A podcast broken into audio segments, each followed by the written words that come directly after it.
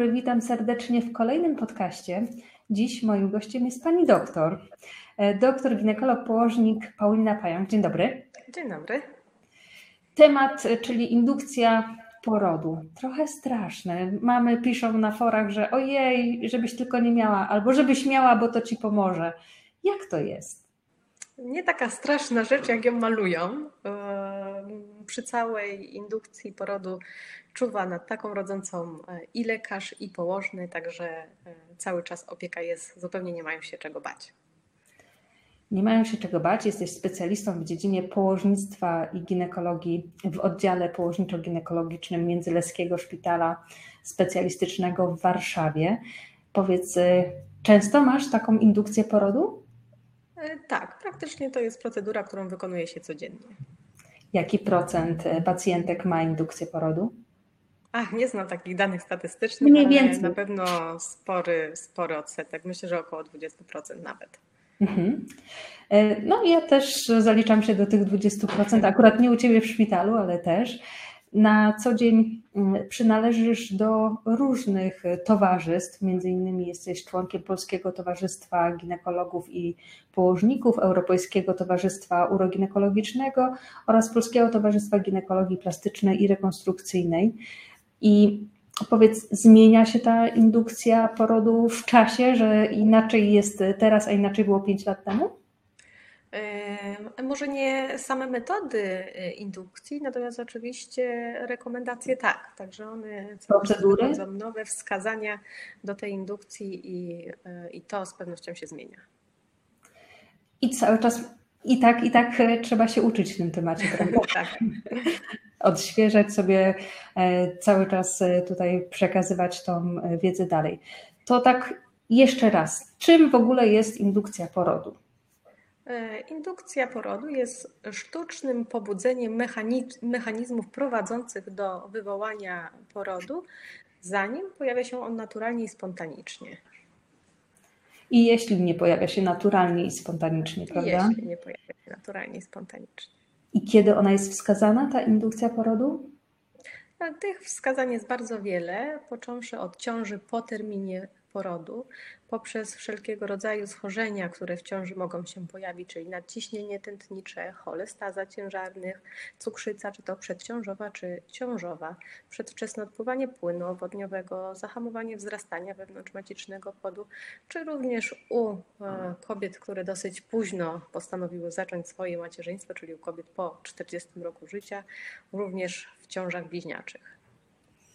Dużo, dużo tego jest e, i pewno w zależności od tego, jaki to jest e, przypadek, jaka to jest zmienna, e, taki jest też termin przeprowadzenia takiej indukcji porodu, prawda?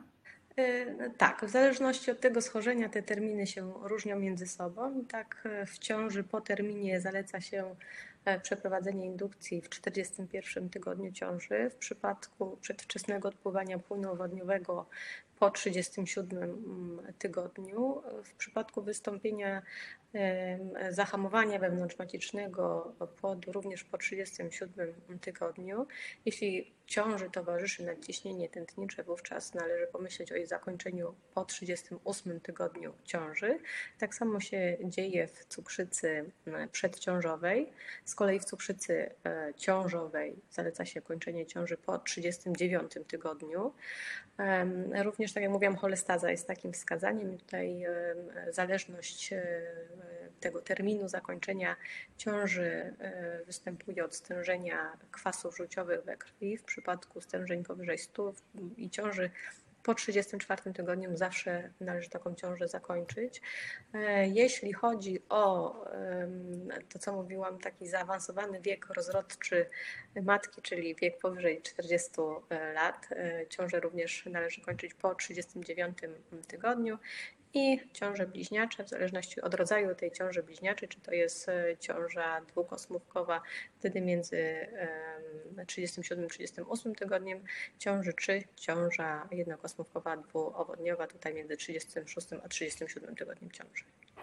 A przy kombinacji, czyli na przykład 40 y, plus i ciąża bliźniacza, y, to jeszcze tu się coś kumuluje i jeszcze szybciej? Nie, wybieramy najniższą.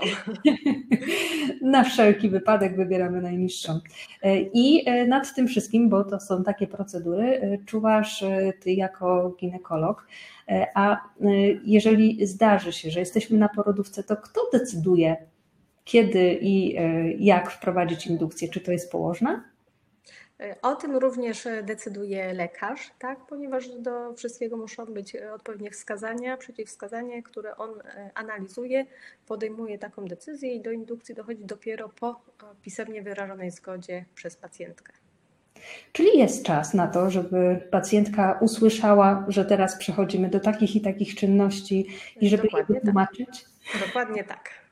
A gdy okazuje się, że nie ma tego czasu, bo no jest trzeba szybko reagować, żeby ratować życie dziecka. Jeśli ratować... są takie wskazania nagłe, to na pewno nie są to wskazania do indukcji, tak? Tylko mhm. wtedy jest zakończenie drogą cięcia cesarskiego. Faktycznie trzeba decyzję podejmować bardzo szybko. Natomiast na indukcję mamy czas. Na indukcję mamy czas. E, jakie są w ogóle metody indukcji?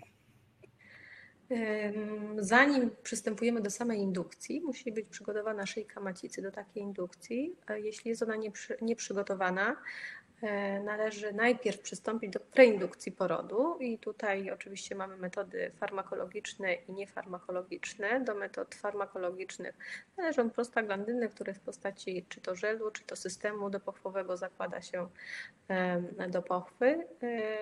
Następnie mamy niefarmakologiczne, czyli mechaniczne sposoby preindukcji porodu i tutaj zakładamy cennik foleja do kanału szyjki, który wypełniamy nad ujściem solą fizjologiczną w postaci balonika.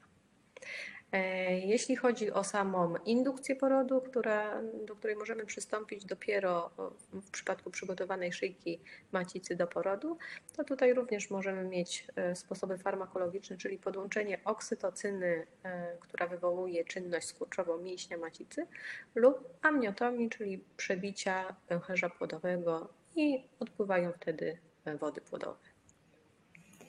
E, cewnik, e, balonik, e, przebicie. Czy to boli? Oczywiście są to procedury, które powodują pewnego rodzaju dyskomfort. Samo badanie we wdzięczniku zresztą dla kobiet nie jest najprzyjemniejszym badaniem, a to w takiej formie często się wykonuje. To dostajemy wtedy jakieś dodatkowe znieczulenia? No, do samego takiego badania we wdzierniku i założenia cewnika nie. Nie jest to tak długa e, procedura, która by tego znieczulenia wymagała. Natomiast oczywiście, jeżeli indukcja jest skuteczna i wywoływane są skurcze mięśnia macicy, bolące dla ciężarnej, rodzącej już w zasadzie, to oczywiście można poprosić w każdym momencie o znieczulenie. Czyli coś innego mnie boli, żebym już w ogóle myślała o tym cewniku, tak? tak. Hmm.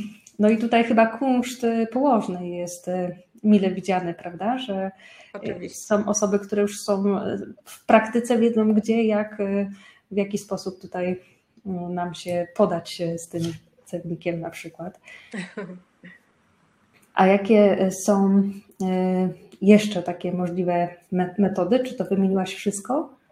E, no jeszcze mamy do dyspozycji oddzielenie dolnego bieguna jaja płodowego, który może wywoływać prostaglandy, prostaglandyny, które są takimi substancjami wpływające na, na początek porodu.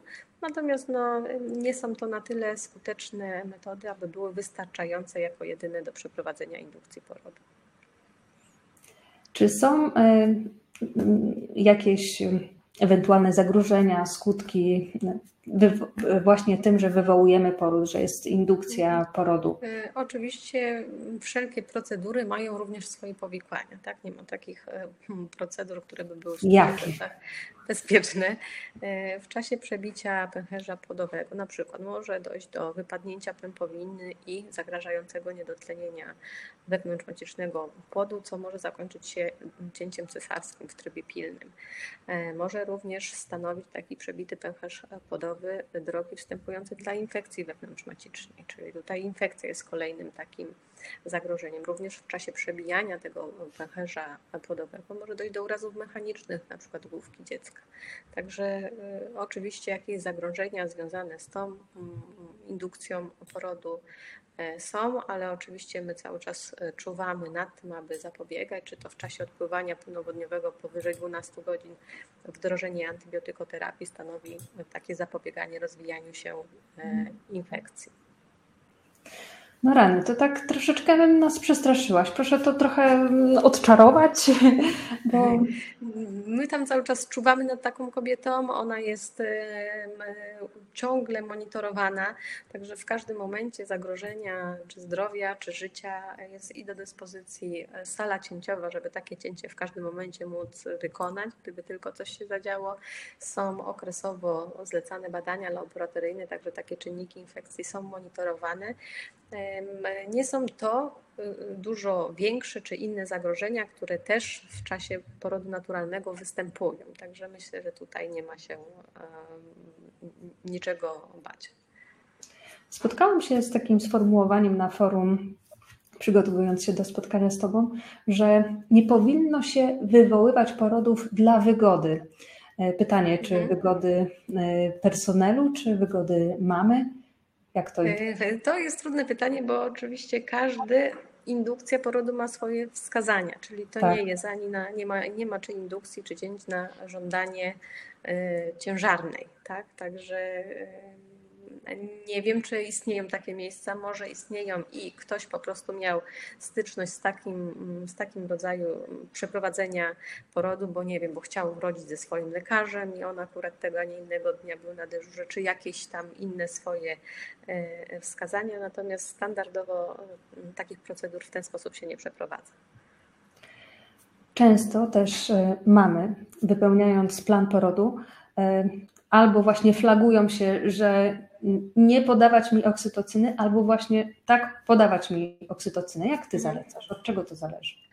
Nie, to zależy od przebiegu porodu. Tak? Jeżeli są naturalne skurcze i one się nasilają, to nie ma takiej potrzeby, że tą oksytocynę podawać, to oczywiście nie ma takiej konieczności. Natomiast jeżeli tej czynności skurczowej czasami nie ma, albo początkowo jest i ona wygasa, to oksytocyna po prostu jest potrzebna, żeby ten poród e, przebiegał w sposób naturalny. Tak? No, trzeba pamiętać o tym, że jeżeli odpływają wody płonowe i jest poród rozpoczęty, to mm, musimy go w jakiś sposób zakończyć. Jeżeli nie zakończy się on naturalnie, no to w którymś momencie pojawią się wskazania do cięcia cesarskiego.